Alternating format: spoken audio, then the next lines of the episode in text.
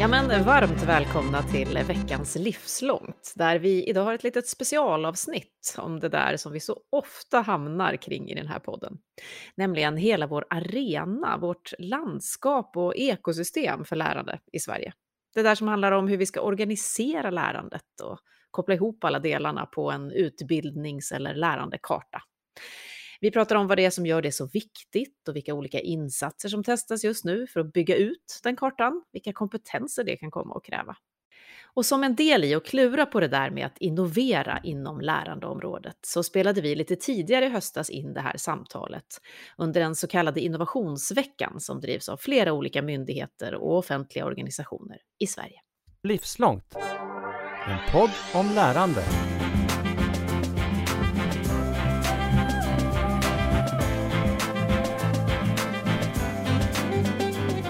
Och jag heter Katarina Pietschak. Hos mig idag har jag två kollegor, tänker jag faktiskt säga, inom det här området. Hej Björn Flintberg, som jobbar med mig. Hej Katarina, det stämmer. ja. Jobbar tillsammans med, med livslångt lärande och med frågor som, som rör samhällsomvandlingen eh, i spåren av kompetensomställning. Exakt, på RISE finns ju vi, varifrån den här podden går. Och så hej Anders Pettersson från Göteborgsregionen där du arbetar med att förnya och utveckla det här området. Du är liksom också en kollega, tycker jag, mm. i det här området. Ja, jag känner så också Katarina, vi är ja. kollegor, partners in crime. Hej, yes. kul att vara med.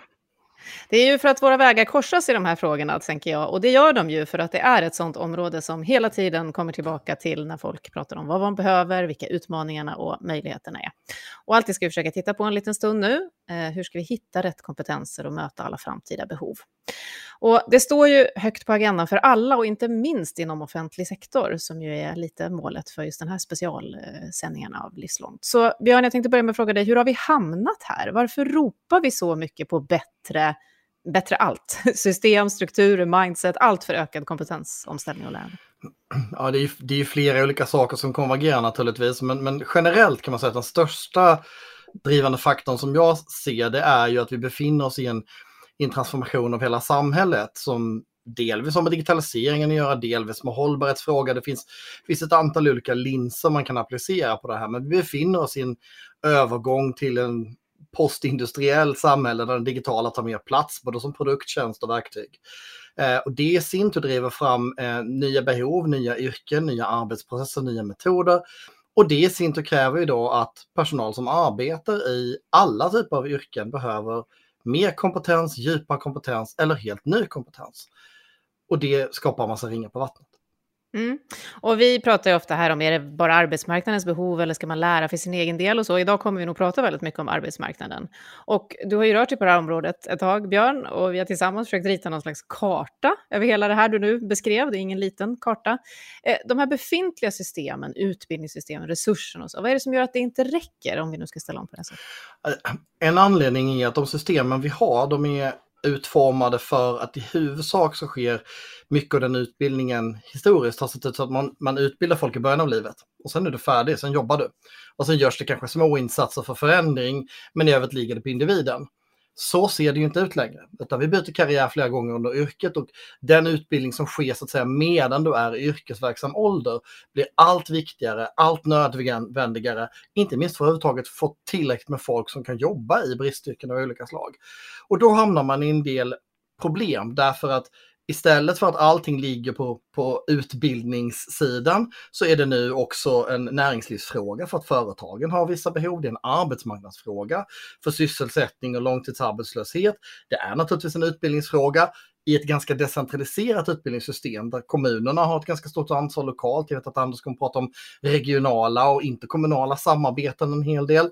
Ehm, men då också nationella satsningar och en massa privata aktörer. Och allt det här ska då bindas ihop av någon form av infrastrukturellt stöd och finansieras. Vi pratar fyra, fem departement med kanske 20 myndigheter across the board. Det är klart att det blir utmaningar när alla de här aktörerna ska försöka tillsammans ratta någonting som är ganska decentraliserat i sin grundkonstruktion. Ja, det är lite svettigt när man står där själv och, och tänker, eh, hur ska jag navigera min kompetensutveckling nu i det där stora, stora, stora kartan eller systemet som du beskriver nu. Mm. Eh, du, det här med bristyrken du nämnde, det har vi ju redan hört i något av våra avsnitt den här veckan. Lärarbristen är ju ett sånt stort i offentlig sektor, men det finns många fler. Så Anders, jag vet att du har umgåtts med den frågan, men också med många fler. Vilka är de största utmaningarna du ser på det här området?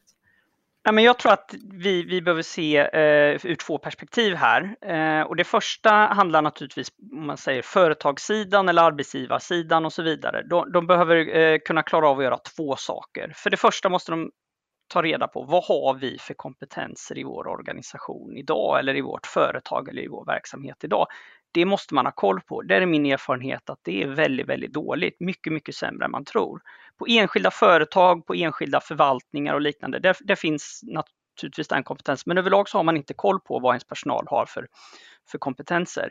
Nästa steg sen blir förstås att försöka förstå då vad är det för kompetenser vi behöver i framtiden utifrån det här som Björn beskriver med en digitalisering, med en förändrade produkter, förändrade tjänster, förändrade uppdrag inom offentlig sektor. Vad behöver vi då för kompetenser?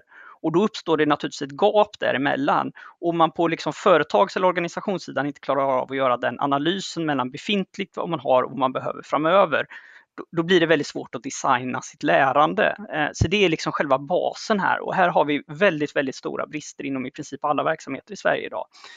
Eh, så, så det är den ena sidan. Den andra sidan blir ju naturligtvis att, att titta på, okej, okay, hur svarar vårt utbildningssystem upp för att kunna hantera de här bitarna? Eh, och då är ju det korta svaret är att det är väldigt, väldigt dåligt. Eh, vi har en där med. Där med. Eh, och det är här i problemet uppstår då, va? när vi har liksom både behov, eller man säger både utbud och efterfrågan är, är inte anpassade för den här verkligheten. Då. Eh, utan vi har idag väldigt långa utbildningar eh, generellt sett i Sverige. Det som Björn säger, man förväntas utbilda sig först och, och sen arbeta. Eh, jag tror att det är en trend att generellt sett kommer vi att se lägre trösklar in på arbetsmarknaden. Ehm, och med en lägre tröskel in, det vill säga mindre utbildning för att komma in, då behöver man också få in mer rörelse, det vill säga utgångspunkten är att man alltid befinner sig med kontinuerlig kompetensutveckling. Alla verksamheter, alla medarbetare är i kontinuerlig kompetensutveckling och det måste vara det ett mindset som råder. Det ska inte vara ett undantag att någon kompetensutvecklar sig. Det är liksom grundregeln att det är på det sättet tror jag. Ehm, så det är några av de utgångspunkterna som, som jag har in i det här arbetet. Och om vi då inte bygger om det här för att möta alla de här behoven som ni pratar om och också hela samhällsutvecklingen och digitaliseringen, det som den driver på och sådär. Vad, vad, vad riskerar vi förlora då om vi inte lyckas med ett, ett nybygge eller ett ombygge? Här? Vad säger du Björn här? Innovation är väl kanske det första ordet som liksom dyk, dyker upp hos mig här. Hur klarar vi då av att utveckla våra verksamheter? Hur klarar vi då av att liksom innovera i det små? Inte liksom skapa den här one big invention utan den små innovationen i att förbättra, kontinuerlig förbättring av verksamheten. Ja, och, och här, här finns ju en, en, en riskbild som jag tror man måste ha med sig, kanske framförallt på nationell nivå, när man tar ansvar för det. här. I det lilla är det precis som du säger, att där, där, där handlar det kanske ytterst om att vara en attraktiv arbetsgivare, att kunna hitta rätt personal, att kunna vara den platsen där folk vill jobba på, eh, att klara av att överleva i konkurrens med andra. Men det är ju faktiskt också sant på, på makronivån. Alltså några länder kommer att klara det här bättre än andra. Det finns gott om länder som har gasat på rejält de sista 5-10 åren vad det gäller den här anpassningen och som kanske har andra förutsättningar än, än Sverige. Och vi lever i en global marknad nu. Det är bara frågan om hur relevanta Sverige vill vara om 10-20 år. Om man ska vara så krass. Ska vi fortsätta vara eh, ledande inom ett antal områden eller kommer vi ha halkat ner till mitten av ligan på fler ställen? Mm. Ja, men det tror jag. Precis, det kom precis en, en eh, rapport här från Myndigheten för tillväxtanalys som visade att eh, Sverige låg på, jag tror det var sista plats i EU när det gäller att delta i formell utbildning bland, bland yrkesverksamma. Um, inte en så smickrande sista plats. Att, um, och inte den första sista platsen på olika listor vi nej, har haft nej. den senaste tiden. Mm. Och jag håller med Björn, det är aktiebolaget Sverige som står på spel här. Det är inte Stockholm mot Göteborg eller Kappahl mot H&M utan det är Sverige mot övriga världen. Det är där matchen står.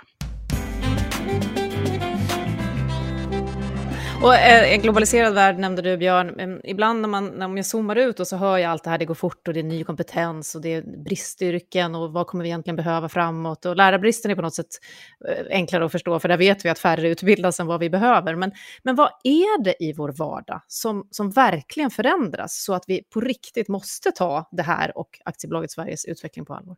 Ja, alltså man kan ta några, man kan ta några fler exempel Tittar du på utvecklingen av eh, det fossilfria stålet nu som har varit en het potatis till exempel, om vi ska ta ett exempel som, som är det för industrin. Det är klart att när du ska ta fram det här i helt nya processer som då är mycket mer hållbara och, och bättre för klimatet på sikt och som har ett stort intresse, då behöver du nya maskiner, nya arbetsprocesser. Vem ska sköta dem? Vem ska utbildas för att hantera de maskinerna? Som då är mer komplicerade, kräver kanske mer förståelse för för digitalisering och datorisering och kräver mer automations teknikkunskap och så vidare.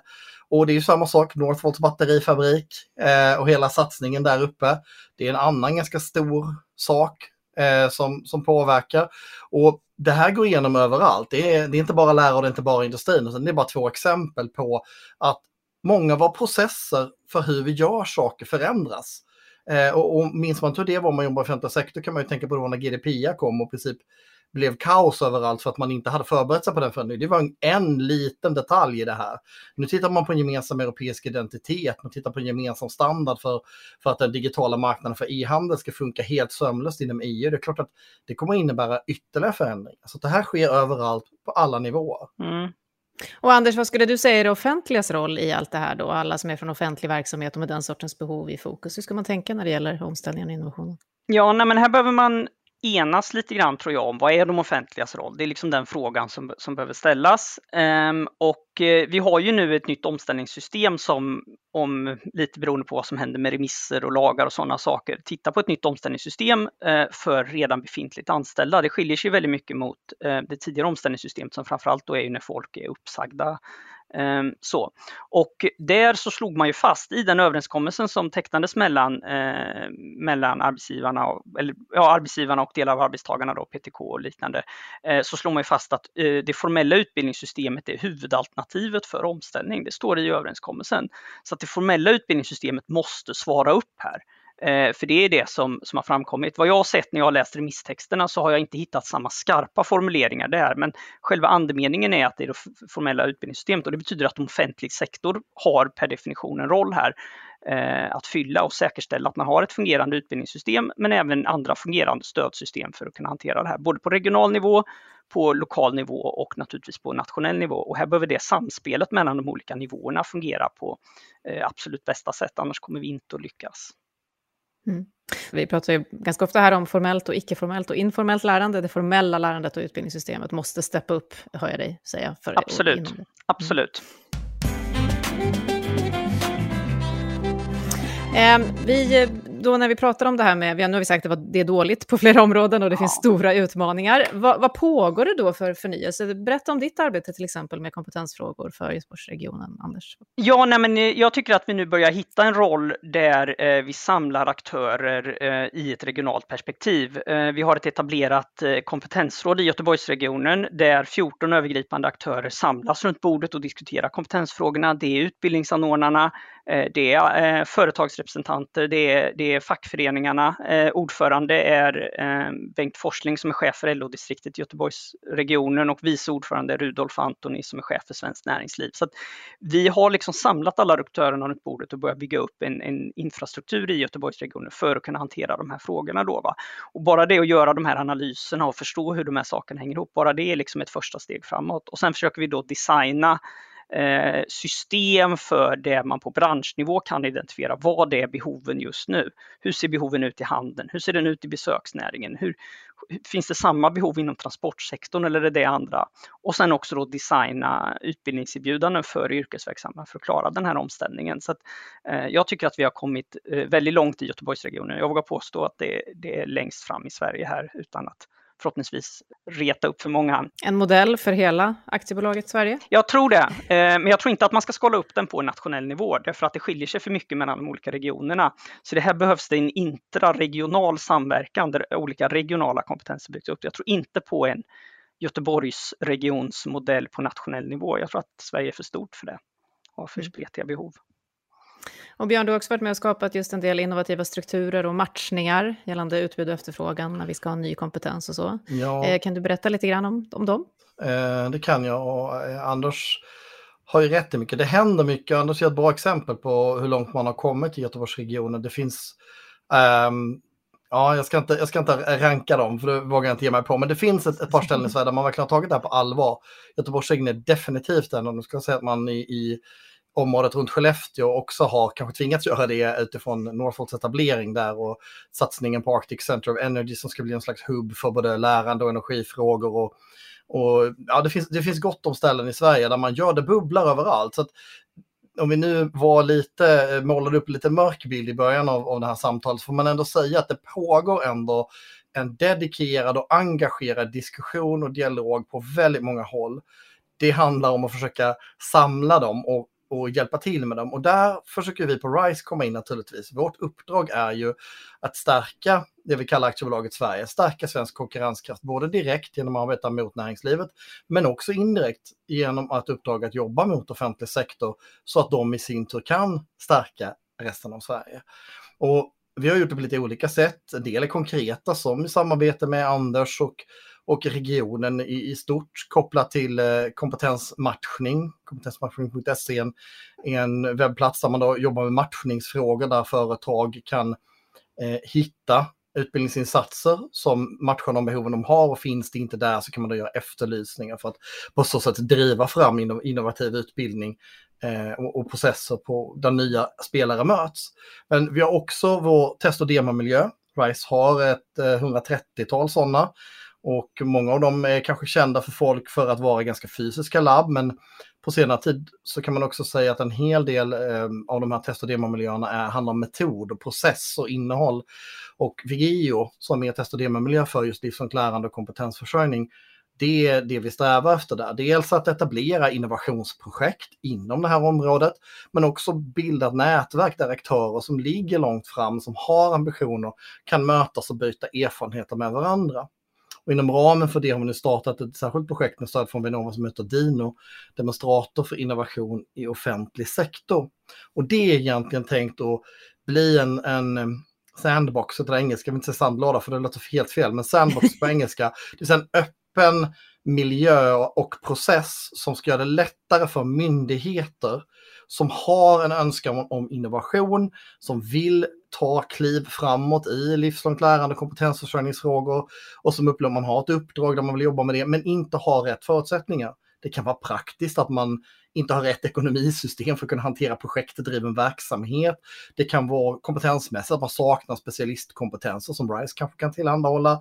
Eller att man behöver hjälp med själva faciliterings och metodprocessen där vi har otroligt mycket duktigt folk som kan hjälpa till att driva fram den här innovationsprocessen och jobba kreativt med den. Så Dino handlar om att ta fram en en verktygslåda, en färdig modell och process som ska göra det lättare för myndigheter som vill kliva in i det här. Så att vi kan bidra till att det blir fler innovationsprocesser som går igång på olika håll i eh, Sverige.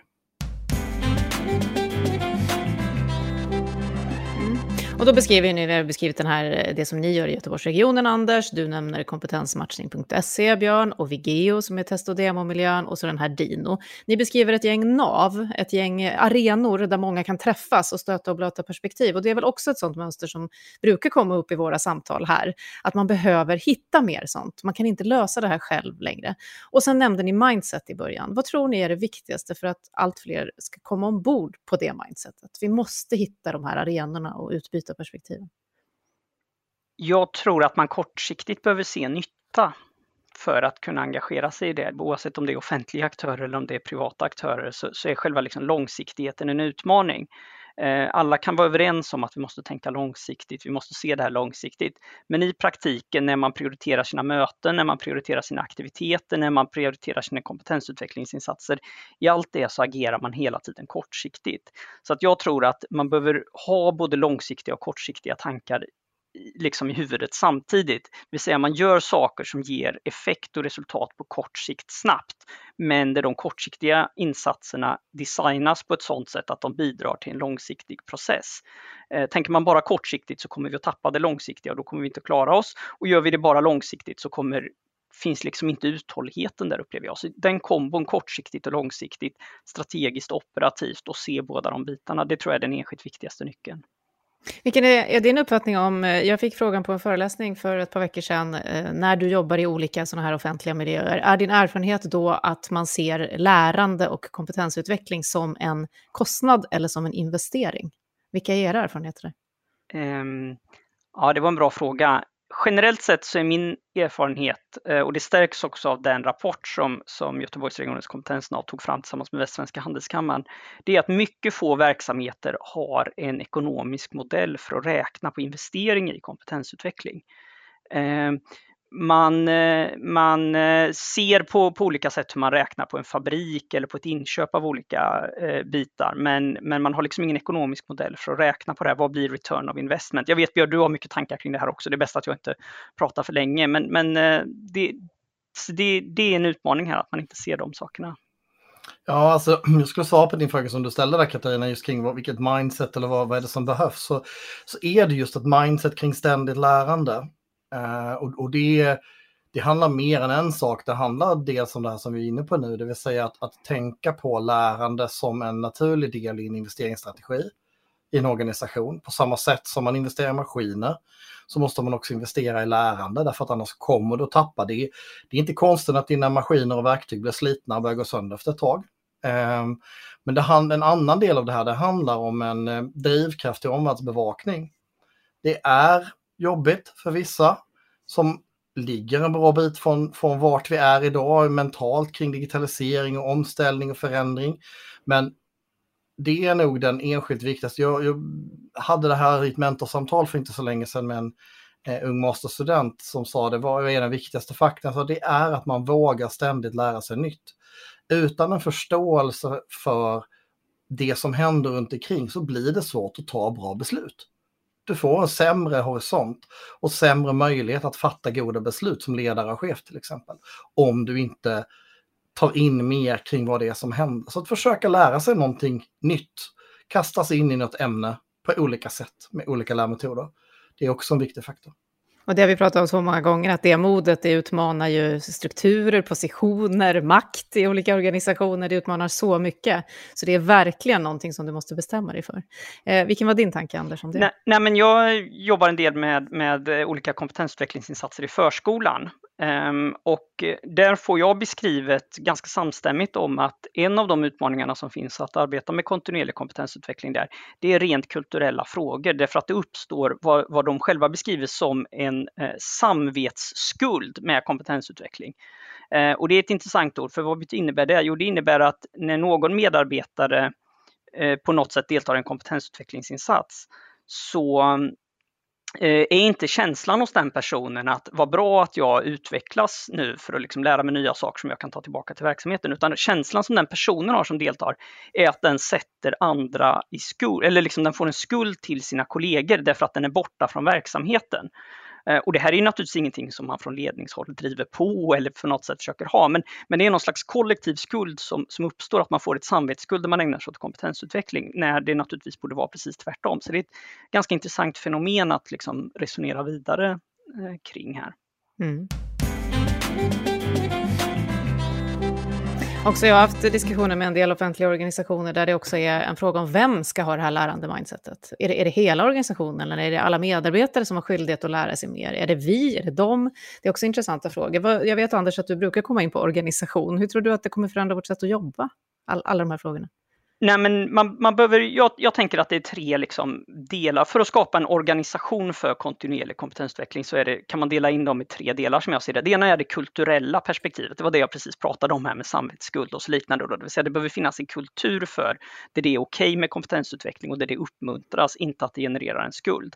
Eh, det andra är att ha strukturella förutsättningar för det, det vill säga att det finns avsatt tillräckligt med, med budget, det finns en struktur för hur man liksom hanterar det rent praktiskt eh, och så vidare. Och den tredje är det organisatoriska perspektivet, det vill säga att när personer har deltagit eller deltar i kompetensutvecklingsinsatser så löser organisationen den eventuella frånvaron som finns och när man kommer tillbaka från kompetensutveckling så finns det en systematik i hur man tar tillvara det som enskilda medarbetare lärt sig för att sprida det i organisationen. Så kultur, struktur och organisation tror jag är de tre bitarna som, som, som behövs. Mm. Jag såg någon sån här ledarspaning där man till och med var inne på att alla ledare borde tänka att all kompetensutveckling du då investerar i dina medarbetare gör du också för att de ska kunna lämna dig och gå vidare. Mm.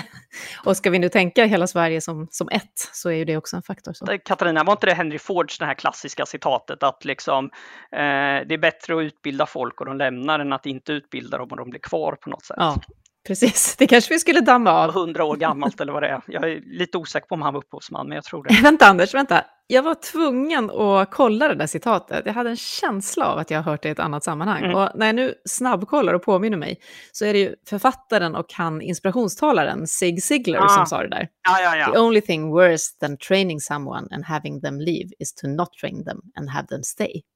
Sig som jag kan säga här dog för knappt tio år sedan. Han fick en lång karriär. Han hoppade för övrigt av sin eh, collegeutbildning och började jobba som försäljare. Och det var efter det som han började intressera sig för hur man motiverar andra människor att bli bättre på sina jobb. Det kanske vore något för aktiebolaget Sverige här. Han fick sig en fin liten business där för personlig utveckling efter det. Ja, ett litet sidospår, men om vi vill lära oss hela tiden så får vi walk the talk i den här podden. Liksom. Mm. Om ni nu får drömma hur det här utvecklingen skulle gå, det här som ändå är väldigt komplext och lite svårt som vi har pratat om med alla de här olika delarna. Vad kan vi liksom åstadkomma inom några år där vi kommer se att det här verkligen har utvecklats och förnyats? Jag tror att vi kommer, om vi verkligen lyckas, om man får titta på ett best case och får drömma lite, då har vi, dels har vi hittat en modell där de olika ansvarande myndigheterna som, som så att säga ska sätta tonen i en del av de bitarna som kommer från offentliga sektorn och de privata näringslivet med deras behov har hittat en bra samverkansmodell där informationen flödar fritt, där det är transparent och öppet, där Sverige har en supertydlig och målinriktad och välfinansierad strategi för transformation kopplat till digitalisering och hållbarhet. Eh, och där vi egentligen i Sverige har tagit tillbaks ledartröjan på det här området. Där vi i alla de fall där vi har fantastisk innovation, biomedicin, spel, industri, massa områden där vi är otroligt hög kapacitet, fantastisk innovation och fintech. Det finns hur många branscher som helst där vi faktiskt har en möjlighet att, att verkligen kliva fram ännu mer än vad vi gör idag. Där skulle vi kunna vara etta i världen utan problem om vi bara ser till att få rätt strukturer och rätt stöd för det. Vi skulle kunna minska långtidsarbetslösheten, vi skulle kunna stärka varje individs grundkompetens och bli kanske det i genomsnitt bäst utbildade folket i världen, om jag nu får drömma lite. Det får du. Hur ser din dröm ut, Anders? Nej, men om jag då får drömma lite grann kring det formella utbildningssystemet, där vi ändå lite grann hade en diskussion eh, tidigare här, så tror jag just eh, att man har kommit vidare i att modulbasera utbildningarna mycket mer. Korta insatser bort från långa utbildningsprogram, ner i kortare modulbaserade utbildningar. Vi kan ha en naturlig övergång mellan våra olika utbildningsformer. Idag är det ju vattentäta skott mellan eh, yrkesvux, YH, högskolan till exempel. De är liksom så igenkittade som det bara är möjligt här då. Här har till exempel Finland lyckats väldigt mycket där de har YH mastersutbildningar där man kombinerar YH och mastersutbildningar med eh, praktiskt arbete. Så jag tror att vi har brutit ner många av de trösklarna. Vi har ett utbildningssystem där kurserna är tillgängliga. Eh, jag hörde på en, en eh, teknisk högskola här som angav att så mycket som 90% av den utbildning som de erbjuder är låsta i, i femåriga civilingenjörsprogram. Så kan vi inte ha det framöver. Det finns massor med yrken idag man inte kan läsa till på något annat sätt än att man går ett helt långt program på dagtid, på heltid med CSN studiemedel. Eh, det måste vi bryta upp alla de bitarna. Så det är lite grann min vision och jag tycker att man ser mycket tendenser på en vilja att göra det, men det är fortfarande stela administrativa system som, som förhindrar det. En sista fråga då. Ibland så pratar vi om den där framtiden och alla de där kompetenserna som kommer behövas och som man kanske inte kan gå ett femårigt program på CSN-finansiering för att få. Kan vi bara säga några sådana? Vad är det för kompetenser som vi letar efter här i alla de här olika lärandesystem? Kompetensen att lära, för att vara väldigt klyschig här tror jag. Mm. Att kontinuerligt lära sig och, och, bygga in en systematik i att hela tiden samla in och lära sig saker. Eh, och i det ligger naturligtvis att omvärldsbevaka. Det är en helt avgörande kompetens som jag ser det. Ja, det är den ena sidan. Den andra sidan är kompetensen att vara innovativ, kreativ, Eh, att kunna pivotera, för att använda fler sådana här klyschiga slagord, men att kunna pröva saker, att experimentera, att våga pröva i liten skala, att kasta bort, förändra, göra om, testa. Um, därför det är så du skapar utveckling. Um, förmågan att samverka, att lägga prestige åt sidan och titta på de, de gemensamma målbilderna och försöka lösa problem istället för position eh, kommer bli allt viktigare. Vi är ett ganska litet land, Sverige, i den globala arenan. Vi har inget annat val än att försöka hjälpas åt. Det är inte Volvo mot Saab, tänkte jag säga, eller Scania mot Volvo Cars.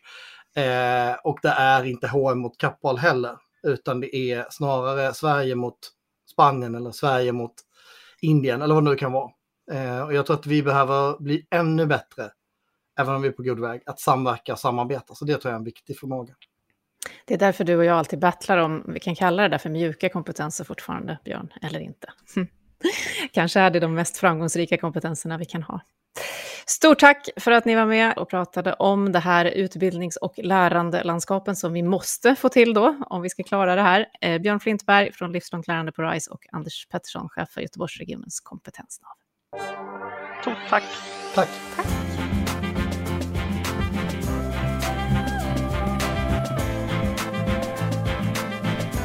Något ni känner så här, det här dör jag om jag inte får lägga till? Det funkar bra. Mm.